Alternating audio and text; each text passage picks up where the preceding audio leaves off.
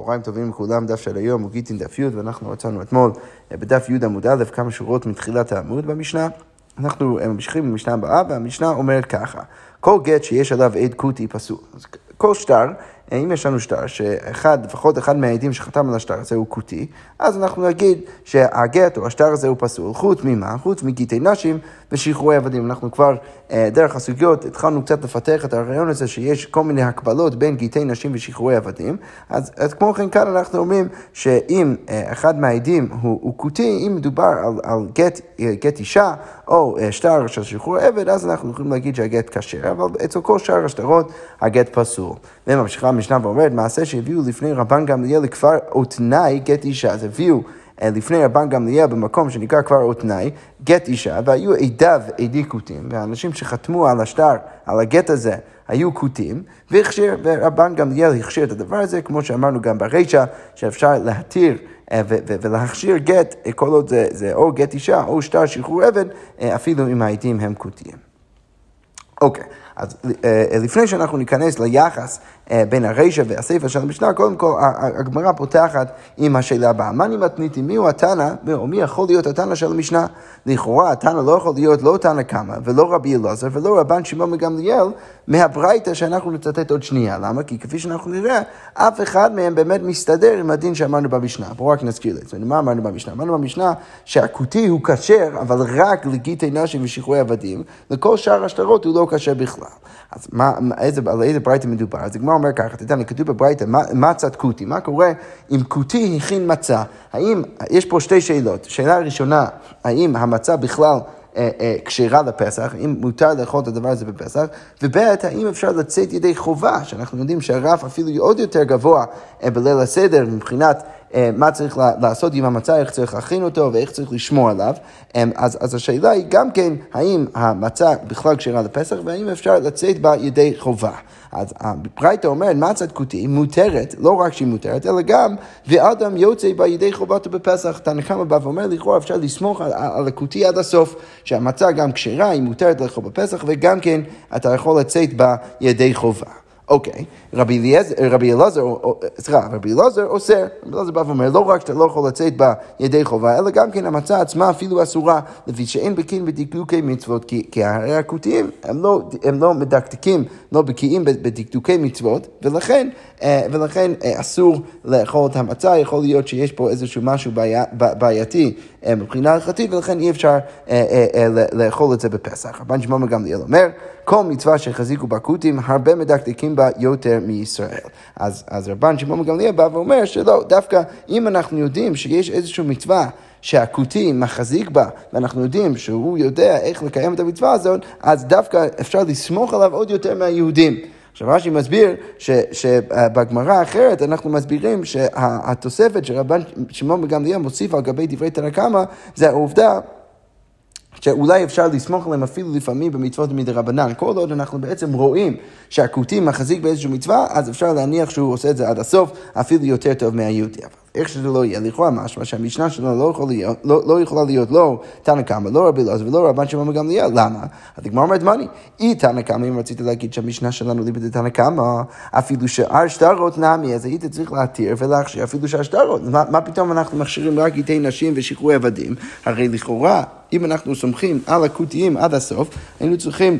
להכשיר גם כן בשער שטרות. אז לכאורה משמע שהמשנה שלנו לא כמו תנא קמא. והיא רבי אלעזר, אם רציתי להגיד שהמשנה שלנו לא רבי אלעזר, אפילו גט אישה נמי לא, היית צריך אה, לא, לא רק לפסול את, שאר השטרות שיש עליהם עדכותי, אלא אפילו גיטי נשים ושיעורי עבדים היינו צריכים לפסול. זה שאנחנו מכשירים לפחות חלק, כנראה משמע שאנחנו לא סופרים עד הסוף כמו רבי אלעזר.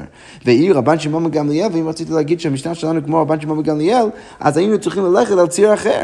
מה היינו צריכים להגיד? אז הגמרא אומרת, היית צריך להגיד ככה, אי דאחזוק, אם הם מוחזקים ואתה יודע שהם מקיימים את המצוות, אז אפילו שאר שטרות נמי, אז היית צריך להכשיר את כל שאר השטרות. אי דלא אחזוק, ואם הם לא מוחזקים בזה שהם, שהם צריכים אה, לכתוב ולחתום על הגט כמו שצריך, אז אפילו גט אישה נמי לא. אז בעצם הגמרא אומרת שגם רבן שמעון גמליאל בא, בא ולא מסתדר עם המשנה, למה? כי, כי רבן שמעון גמליאל זה לא קשור לחילוק בין גיטי נשים ושאר השטרות, זה קשור לעצם זה, אה, או, או לעצם השאלה האם אני יודע שהכותי מקיים את המצווה או לא. כל עוד הוא מקיים את המצווה אז מעולה, הוא עושה את זה עד הסוף, ואם הוא לא, אז לא. אז לכאורה משמע שוב שהמשנה שלנו לא מסתדרת לא עם תנא קמא, לא עם רבי אלעזר ולא עם רבן שמעון גמליאל. אז כמו אומרת, אה, אולי אתה תצא להגיד שבעצם המשנה שלנו ליבי לרבן שמעון גמליאל. אז כמו אומר ככה, וכי תימא רבן שמעון גמליאל, אולי אתה תצא להגיד שהמשנה שלנו ליבי לרבן שמעון גמליאל הוא דאח זוג בה ולא אח זוג בה, ואפשר להגיד שהם מוחזקים והם יודעים איך לחתום ואיך... איך, איך, איך לחתום בצורה כשרה על גיטי נשים ושחרורי עבדים, אבל לא אח זוג באב, והם לא מוחזקים בשאר השטרות, אבל היא הכי, אז מה הייתי צריך להגיד? מה עיר אחד? למה אתה מכשיר רק עד אחד? עכשיו, אנחנו נחזור לאיזשהו פער שאולי אפשר להצביע עליו במשנה, בהמשך הגמרא, שבאמת משמע מהרישא של המשנה שאפשר רק להכשיר עד אחד, רק כותי אחד, ומרבן גמליאל בסוף המשנה משמע שאפשר להכשיר על ידי שני עדים. לפער הזה אנחנו עוד נחזור, אבל כרגע המשנה הגמרא מניחה בפשטות, שלפחות לפי החלק הראשון של המשנה, משמע שרק עד אחד כשר. הגמרא אומרת, אם אתה רוצה לתרץ ולהגיד שהרבן שמעון גמליאל הוא בעצם התנא של המשנה, ומדובר על עולם שבו אני יכול להניח שהכותים הם כשרים לחתום על גיטי נשים ושחרורי עבדים, אבל לא כשרים לשטר שטרות, אז, אז עדיין יש שאלה, למה אתה מכשיר רק בכותי אחד? אפילו תרי נמי היית צריך להכשיר אפילו עם שני עדים כותיים. אז הגמרא אומרת, למה אמר רבי אלעזר, למה אז אמר רבי אלעזר, האמורה, לא הכשירו בו אלא עד אחד כותי בלבד, למה שהוא יגיד דבר כזה? ובאמת ככה משמע מהרישא של המשנה. הגמרא אומרת, הייתי צריך להגיד שזה כשר גם בשניים. אז הגמרא אומרת, אה, מה צריך להגיד? לעולם רבי אלעזר, באמת המשנה שלנו היא אליבא דרבי אלעזר, לא רבי אלעזר שאצלנו עכשיו, זה רבי אלעזר המורה. רבי אלעזר התנא שפגשנו אותו בברייתא, שמה אמרנו שם בברייתא? שרבי אלעזר התנא בא ואומר שאנחנו לא סומכים בכלל על הכותיים. אז רגע, אז למה כאן אנחנו פתאום סומכים על הכותי האחד הזה שחתם על השטר, וכגון דחתם ישראל לבסוף. צריך להגיד שמדובר בקשר מה? שהחתימה, יש בעצם שתי חתימות, אחד מעל השני. יש את החתימה של, ה, של הכותי ויש את החתימה של ישראל. עכשיו, אז הגמרא אומרת שמדובר במשנה במקרה מה? שהחתימה של הישראל היא מתחת לחתימה של, ה, אה, אה, אה, של הכותי. עכשיו, מה, למ, למה זה נותן לנו איזשהו צד לה, להכשיר את השטר? דילאו דקותי חבר הווה, כי אנחנו יכולים להגיב ולדעת שאם הכותי הזה לא היה חבר, לא היה בן אדם שאפשר לסמוך עליו, לא מחתים להם מקומן. אז הישראל לא היה חותם אחריו. ההנחה הפשוטה היא שאם אתה רואה שהחתימה של ישראל היא אחרי החתימה של הכותי, זה אומר שהוא ידע מי חתם מלפניו והוא לא היה חותם, הוא בעצמו, אלא אם כן הוא היה יודע שהכותי הזה הוא חבר, והכל בסדר גמור. ולכן, בגלל זה הגמרא אומרת שאפשר לסמוך. אבל עכשיו הגמרא תשאל, רגע, יחי, אם אתה רוצה להגיד שככה צריך להעמיד את המשנה ובאמת הכל מסתדר, אז אפילו שער שטרות נעמי, אז היית צריך להגיד ש, ש, שצריך להכשיר גם בשער שטרות. למה אתה פתאום מוכן להכשיר רק בגיטי נשים ושילכו עבדים במקרה כזה? לכאורה משמע שזה אחלה סברה, אבל, אבל אמרת יותר מדי טוב, היית צריך גם כן להכשיר בשער השטרות. אז הגמרא אומרת, אלא מה אנחנו בעצם אומרים, בטח לגבי שער השטרות, אלא אמרינן אצל שער השטרות, רבך שווק למד בקושיש מיניה. למה אנחנו לא סומכים בשאר שטרות? כי מה צריך להניח שאולי קרה? אולי צריך לחשוש שהדבר הבא קרה. הם חתמו על השטר הזה והיו שם מלא אנשים. היו שם... אה, היה שם את ההוא, את הישראל, שבסוף אנחנו רואים את החתימה שלו על השטר, היה שם קוטי, והיו שם מלא זקנים, אנשים מאוד מכובדים בחברה ובקהילה היהודית. עכשיו, מה העד הזה בעצם אמר לעצמו? אז אמר לעצמו, אני אחתום על השטר הזה, אבל אני אחתום מתחת לחתימה הראשונה, עוד לפני שהבן אדם הראשון חתם על זה, כדי לתת מקום לבן אדם יותר מכובד ממני לבוא ולחתום. עכשיו הגמרא בעצם אומרת שזה שהישראל חתם, שהחתימה שלו היא מתחת לחתימה של הכותי, זה לא בהכרח אומר שכשהוא חתם הוא כבר ראה את החתימה של הכותי, יכול להיות שהוא סתם חתם קצת יותר למטה בקלף, כדי לתת מקום לבן אדם יותר מכובד ממנו.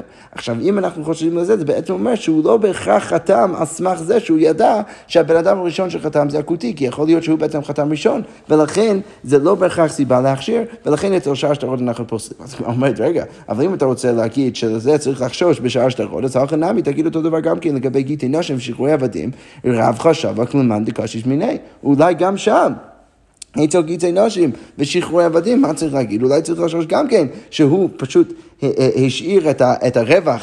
אה, לחתימה מעל גבי החתימה שלו, אבל לא באמת חתם אחרי שהוא ראה את הכותי, ולכן למה אתה כל כך בטוח ששם צריך לסמוך? אז הגמרא אומרת, אמר רב פאבא, מה צריך להגיד? זה שאנחנו מכשירים. שוב, אם אנחנו מניחים את האוקימתא הזאת, שמדובר במקרה שהחתימה של ישראל היא מתחת לחתימה של הגותי, זה שאנחנו מכשירים ספציפית אצל קטעי נשים, מה זה מלמד אותנו? אז רב פאבא אומר, זאת אומרת, עדי הגט אין חותמין זה בלא זה. בטח זה מלמד אותנו שהעדים הנמצאים על גט אישה, לא יכולים לחתום זה בלא זה. ולכן אם הם בוודאי חותמים זה בלא זה, ואני גם כן רואה שהחתימה של ישראל היא מתחת לחתימה של הכותי, אז אני בטח יודע שהוא חתם יחד עם הכותי, והוא לא היה עושה את זה אלא אם כן הוא היה יודע שהכותי הזה זה בן אדם שאפשר לסמוך עליו, ולכן אפשר להגיד ששם אפשר לסמוך ולהכשיר את הגר. הגמרא אומרת, מה איתם? למה?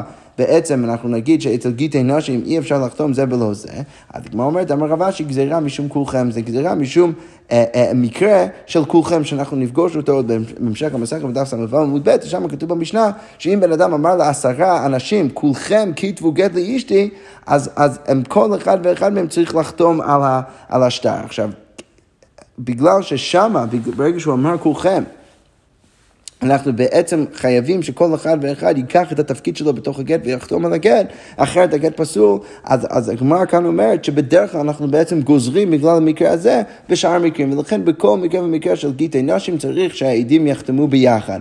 ולכן שוב, אצל המקרה של גיטי נשים ושחרורי עבדים אפשר להגיד שהגט כשר אפילו אם יש עד אחד שהוא כותי, למה? כי בטח כל העדים חתמו ביחד ואפשר להגיד שהם לא היו חותמים אלא אם כן הם היו יודעים שהכותי הזה הוא בן אדם שאפשר לסמוך עליו. אבל אצל שאר השטרות אפשר להגיד שהם לא בהכרח ידעו שהכותי הולך לחתום ולכן שם אי אפשר לסמוך, וצריך להגיד ש, שהגט פסול, אבל לגבי הגיטי נשף ושחרורי עבדים אפשר באמת להקל.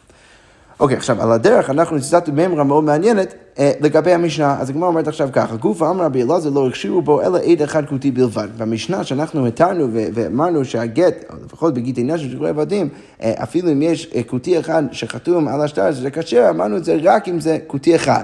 אבל לכאורה משהו מזה, שאם זה שני כותים, אז צריך uh, לפסול. אז הגמרא אומרת, מה כמשמע, מה החידוש של הממר של רבי אלעזר? הרי כתוב ככה במפורש במשנה, תניני כתוב במשנה, כל גט שיש עליו עד כותי. פסול וכולי וכולי, אבל חוץ מגיטי נשים ושחרור עבדים ששם זה יהיה כשר. לכאורה משמע עד כותי אחד. אז, אז למה אתה, למה אתה מחדש רבי אלעזר? אני כבר יודע את זה מהמשנה. אז כמו אומרת לו, אם היא מתניתין, אם, אם רצית ללמוד רק מהמשנה, אז לא היית יכול ללמוד עד הסוף. למה? כי אבא אמינא, מה הייתי חושב? אפילו תראי נמי, הייתי חושב שאפילו שניים זה בסדר גמור. אה, אז למה לדבר רק אחד? והייתי קטני אחד. אז כמו אומרת, משום דבשטרות אפילו אחד נמי לא, כדי ללמד אותי ולחדש לי שבשאר שטרות אפילו אחד גם כן לא, הוא גם כן יהיה... יהיה פסול. כמשמע לן, שרק אחד הוא יהיה כשר אה, ולא שניים. אבל עכשיו הגמרא ממשיכה ואומרת, רגע, ותרי לא, מה באמת אתה רוצה להגיד? ששני כותים זה לא יהיה כשר, והקטן נראה כתוב במשך המשנה, מעשה והביאו לפני רבן גמליאל לכפר עוד תנאי גט אישה, והיו עדיו עדי כותים, והכשיר לכאורה משהו מזה ששני עדים זה כשר. אז הגמרא אומרת, אמר אביי, תירוץ ראשון, תני עדו, במקום שיהיה כתוב עדיו, תגרוס מחדש, שיהיה כתוב עדו, שזה מעיד על כך שרק עד אחד היה כותי, אבל לא שניהם. באמת, אם זה היה שניהם, זה היה פסול. תירוץ שני, רב אמר, לא עולם תראה, לא, באמת רבן גמליאל באמת הכשיר עם שני כותיים. ובאמת, צריך להגיד שרבן גמליאל חולק על תנא קמא, ורבן גמליאל כבר אומרת, מפלג פעלי הוא חולק, מחסורי מחסר והרכתן, ויש באמת משהו חסר מהמשנה, וככה צריך לגרוס. שאחרי שתנא קמא מכשיר רק בכותי אחד, רבן גמליאל מכשיר בשניים, ומעשה נמי שהביאו לפני רבן גמליאל לכבר עוד נגד אישה, והיו עדיו עדי כותים, ובאמת היו שני עדים כותים שחתמו על השטר, והוא הכשיר את זה, למרות שזה היה שניים. יפה, אז זה ככה סוגר את הסוגיה למשנה הזאת, עכשיו אנחנו נמשיך למשנה הבאה, והמשנה אומר ככה, כל השטרות העולים בערכאות של גויים, מה קורה? אם יש לי שטר שכתבו אותו, חתמו עליו הגויים בבתי דין שלהם, ומשם זה יצא. אז המשנה אומרת, אף על פי שחותמיהם גויים, אפילו אם הגויים הם האנשים שחתמו על השטרות האלו, עדיין כל השטרות האלו כשרים. חוץ ממה? חוץ מקיטי נשב ושחרורי עבדים, ששם אנחנו אומרים דווקא בדיוק הפוך ממה שאמרנו במשנה הקודמת, שם אנחנו, במשנה הקודמת אנחנו הקלנו, כאן אנחנו מחמירים יותר ואנחנו באים ואומרים שאצל קיטי נשב ושחרורי עבדים, ברגע שזה יצא מבית דין של גויים והחתימות הן חתימות של גויים, אז הכל פסול. אבל רבי שמעון חולק ואומר, אף אלו כשרים, לא גם כן, קיטי נשים ושחרורי עבדים גם כן יהיו כשרים. מתי אנחנו פסלנו בשטרות שיש עליהם חתימות של גויים, זה רק מתי לא הוזכרו אלא בזמן שנעשו בעדיות. זה רק במקרה שהכינו את השטרות האלו מחוץ לבית הדין, עם, סתם בני אדם הדיוטות. אבל כל עוד מדובר משהו שיוצא מהבית דין הפורמלי של הגויים, אז גם אצל גיטי נשי ושחרורי עבדים אפשר להגיד שהדבר כשר. אוקיי, אז קודם כל הגמרא אומרת, בא ואומר ככה, מה משמע במשנה? אז הגמרא אומרת ככה, כפוציק וטוני לא שנה מכר ולא שנה מתנה. זה שאמרנו במשנה, שכל השטרות עולים בערכאות של גויים, אף על פי שחותמיהם גויים כשרים, לא עושה שום חילוק בין אה, שטר מכר לבין שטר מתנה. עכשיו, איך ש... כפי שאנחנו נראה עוד שנייה, הגמרא כרגע מניחה שהחילוק בין שטר מכר לבין שטר מתנה הוא חילוק מאוד מאוד יסודי ומשמעותי. שמה? שאצל שטר מכר, השטר לא באמת עושה שום דבר, זה סתם ראייה. מה באמת עושה את, את, את הקניין במכר? הכסף שמעבירים אחד לשני. בן אדם קונה שדה או חפץ ממישהו מסוים, משלם לו את הכסף, זה בעצם הדבר שקונה, ואז כותבים אחרי זה את השטר, כדי רק שיהיה איזושהי ראייה לזה שבאמת עשו את המכר. אבל מה שאין כן לגבי המתנה, לגבי מתנה, אין שום דבר אחר שפועל או, או, או, או, או, או עושה את הקניין, אה, שזה באמת יקרה, חוץ מהשטר, השטר באמת עושה את הקניין. הדגמרא אומרת אבל, לכאורה משמע במשנה שאין שום הבדל בין מקרה של מכר לבין מקרה של מתנה, איך שזה לא יהיה, השטר שיוצא מבית הדין של הגויים, הוא יהיה כשר. הגמרא אומרת, בשלום המכר, אני מבין לגבי המכר, למה מכין יויב זו זה כמה יהודה קונה, הרי הכסף עושה את הקניין, ושטר הראיה בעלמא, והשטר זה סתם ראיה. ולמה זה ראייה? אז הגמרא אומרת, ואני מבין למה אני, מאמין לגויים שם, למה דאי לא יויב זו זה כמה אם לא היו רואים. שבאמת הוא הביא את הכסף, אז לא הבו מרי נפשי וכתבין לשטרם. לא היו, הם, הם, הם עושים, או, או משקרים וכותבים שטר ממשהו שהם לא היו רואים. ולכן מה? ולכן שם אני מבין למה אפשר לסמוך על השטר. אבל אלה מתנה, אבל במקרה של מתנה במייקה קוני, הרי באיזה, באיזה דבר הוא באמת קונה, לאו בהי שטרה, בטח הוא קונה עם השטר. והשטר חס בבעלמה, והשטר זה, זה, זה, זה חס בבעלמה, זה, זה, זה כמו סתם חרס, זה לא שום דבר, כי זה יצא מבית דין של הגויים, ולכן השאלה היא למה שם אנחנו סומכים על השטר. אז הגמרא אומרת, אמר שמואל, דינא דמלכותא דינא. מה צריך להגיד? צריך להגיד שאנחנו סומכים על השטר בגלל דינא דמלכותא דינא.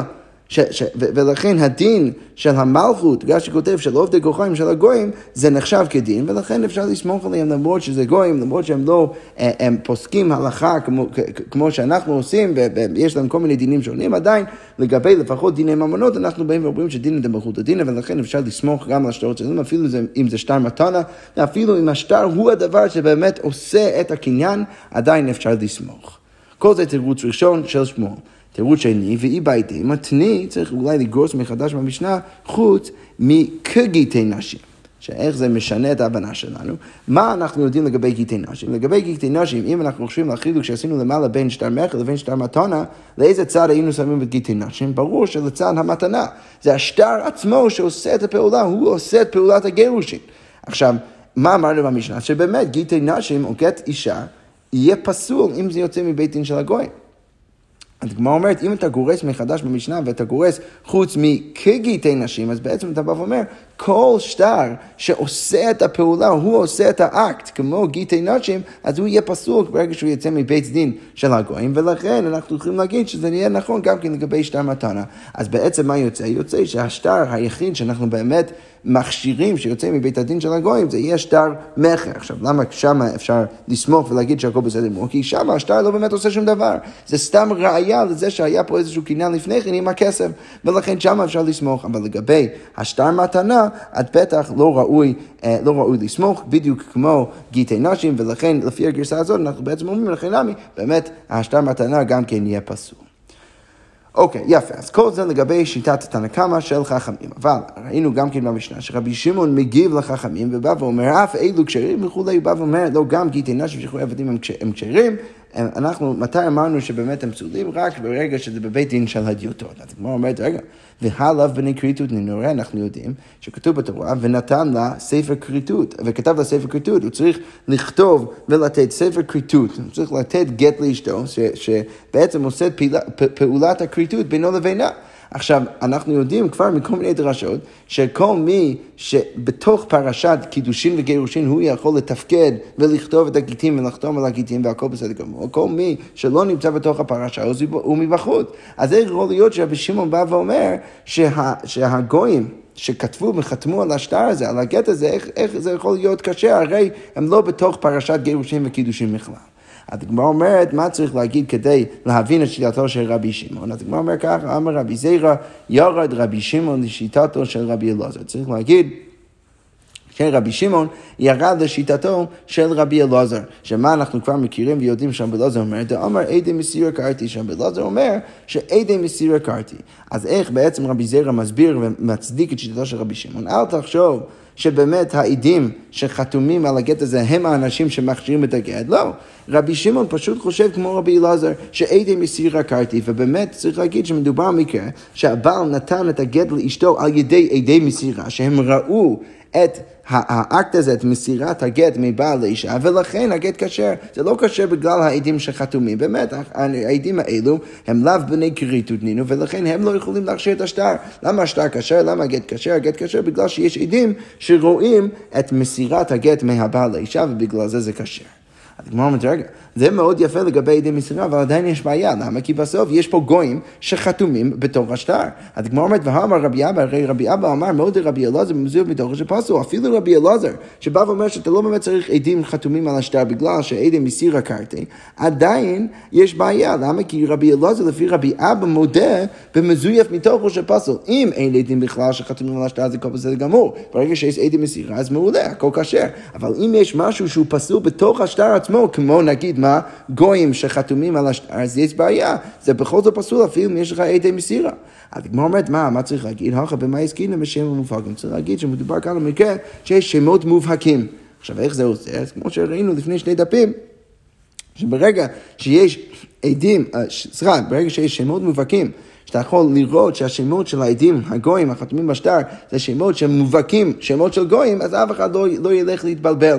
הרי כל החשש הוא שאם יש לך שמות, שאתה לא יודע אם זה גויים, אתה לא יודע אם זה יהודים, אז אנשים יחשבו שבאמת זה העדים שחתמו על השטר, שהם האנשים שבאמת הכשירו את השטר, ואולי יחשבו שאפשר לסמוך על גויים שיחתמו. אבל ברגע שיש לך עדים על השטר, שזה ודאי עדים, אה, שמות, ש, של, של גויים בצורה מובהקת, אז כבר כולם יודעים שעליהם בטוח אנחנו לא סומכים, ואנחנו סומכים רק על העדי מסירה, ולכן הכל בסדר גמור. אז למרות שבדרך כלל בלוזר יגיד שאם זה מזוהה בתוכו זה יהיה פסול, כאן זה לא יהיה בעיה, כי זה שמות מובהקים, ולכן אפשר לסמוך על עדי מסירה, ולכן הכל יהיה בסדר, בסדר גמור, וזה מצדיק את שיטתו של רבי שמעון. עכשיו, הגמרא אומרת, אם כבר אנחנו מדברים על שמות מובהקים, אז הגמרא אומרת איך ידע שמות מובהקים. אז, אז, אז אה, אה, תן, תן לנו קצת אה, דוגמאות של שמות מובהקים. אז הגמרא אומרת ככה, אמר רב פאפה כגון הורמיז ואבודינה, בר שבטוי, בר קדרי, בתי, נקים, אונה. רש"י כותב שכל השמות האלו זה כולם שמות דייני עובדי כוכבים הם. רש"י כותב שזה כולם שמות של דיינים גויים, וזה דוגמאות של, של שמות שהם שמות מובהקים של הגויים. אוקיי, אז אחרי כל זה, מה, עם מה יצאנו? אז יצאנו באמת עם שיטתו של רבי שמעון שבא ואומר שמה? שאנחנו יכולים להכשיר את הגט, אפילו גט אישה שיצא מבית הדין של הגויים, ואפילו אם יש גויים שחתומים על השטר, אבל רק במקרה שהשמות של, של העדים הם שמות מובהקים של גויים. הגמרא אומרת, רגע, אז מה משמע מזה? אבל שמות שאין מובהקים מאי, מה תגיד במקרה שהשמות הם לא מובהקים? אז הגמרא אומרת, לא, מה אתה רוצה להגיד שבמקרה כזה באמת אתה לא תכשיר את הגט? ואם אתה רוצה להגיד שכן, שלכאורה ככה יוצא מהסוגיה, שאם השמות לא מובהקים אז באמת צריך לחשוב שצריך לפסול את הגט, אז היא הכי, הגמרא אומרת, הרי החילוק, כפי שאנחנו זוכרים במשנה, מה ראינו שם? רבי שמעון עושה חילוק, הוא בא ואומר, בגיטי נשים שחרור עבדים זה יהיה כשר, חוץ ממקרה של הדיוטות, שזה לא באמת יצא מבית דין הפורמלי של הגויים, אלא מסתם בני אדם גויים אה, אה, אה, על הרחוב. אז הגמרא אומרת, אם אתה רוצה להגיד שיש חילוק אפילו בתוך המקרה של בתי דינים של הגויים, שזה יהיה כשר רק בשם המובהקים ולא בשם הלא מובהקים, אז היית צריך לעשות את החילוק היותר ראשוני הזה, מאשר את, במקום לעשות את החילוק שרבי שמעון באמת עושה. אז הגמרא אומרת, אי הכי עד התני ספר, זה שכתוב בספר לא הוזכרו אלא בזמן שנעשו בהדיון, לפלוג ולידין בדידה, היית צריך לעשות את החילוק עוד לפני, חילוק הרבה יותר ראשוני בתוך המקרה שלך. במה דברים אמורים? בשם המובהקים, שזה כשר רק בשם המובהקים, אבל שמות שאין מובהקים לא. אז ככה הייתי צריך להגיד, ולא להביא את החילוק היותר, אה, אה, היותר משני שמופיע אה, בדברי רבי שמעון. הגמרא אומרת, אין נמי, זה באמת הדבר שלזה התכוון רבי שמעון. מה התכוון רבי שמעון להגיד? אז הגמרא אומרת, אך נמי כאמר. במה דברים אומרים? מתי אמרנו שזה קשה בשם המובהקים? רק בשם המובהקים, אבל בשמות שהם מובהקים. אבל אם השמות לא מובהקים, אז מה? נעשה כמי שנעשו בהדר, זה כאילו הם עשו את זה בהדר ולא בבית הדין של הגויים, ולכן זה יהיה פסול. יפה, אז כל זה תירוץ ראשון, למה רבי שמעון עשה את החילוק בכל זאת של ה... בין, בין בית הדין של הגויים לבין האדיוטות. הרי הוא היה צריך לעשות את החילוק יותר ראשוני בין שם המובהקים לשמות לא מובהקים, אז הגמרא אומרת, זה בעצם אותו חילוק. אוקיי, תראו שני בהתאם הגמרא אומרת סיפא, כשכתוב בסיפא שזה פסול באדיוטון, הטעם לגיטי ממון. זה חוזר חזרה לשיטתם של חכמים. אתה חשבת שזה מוסב, זה חלק מדברי רבי שמעון, לא, זה מוסב בכלל על דברי חכמים, שחכמים הכשירו את, ה, את השטרות שיוצאות מהערכאות של הגויים, אבל כל עוד זה לא גיטי נשים שחרורי עבדים, אז, אז, אז כשכתוב בסוף המשנה שזה יהיה פסול באדיוטות, זה חוזר חזרה לשיטתם של חכמים למעלה בגיטי ממון. ואחרי גמר, מה ניסינו להגיד? לא הוזכרו גיטי ממון פסולים, אלא בזמן שנעשו בהדות. זה יהיה פסול רק בהדות, אבל בבית דין בערכאות של הגויים, בבית הדין הפורמלית של הגויים, אז הכל יהיה בסדר גמור. יפה. אנחנו נעצור כאן ונמשיך בעזרת השם עם המשך הסוגיה. שכוייח.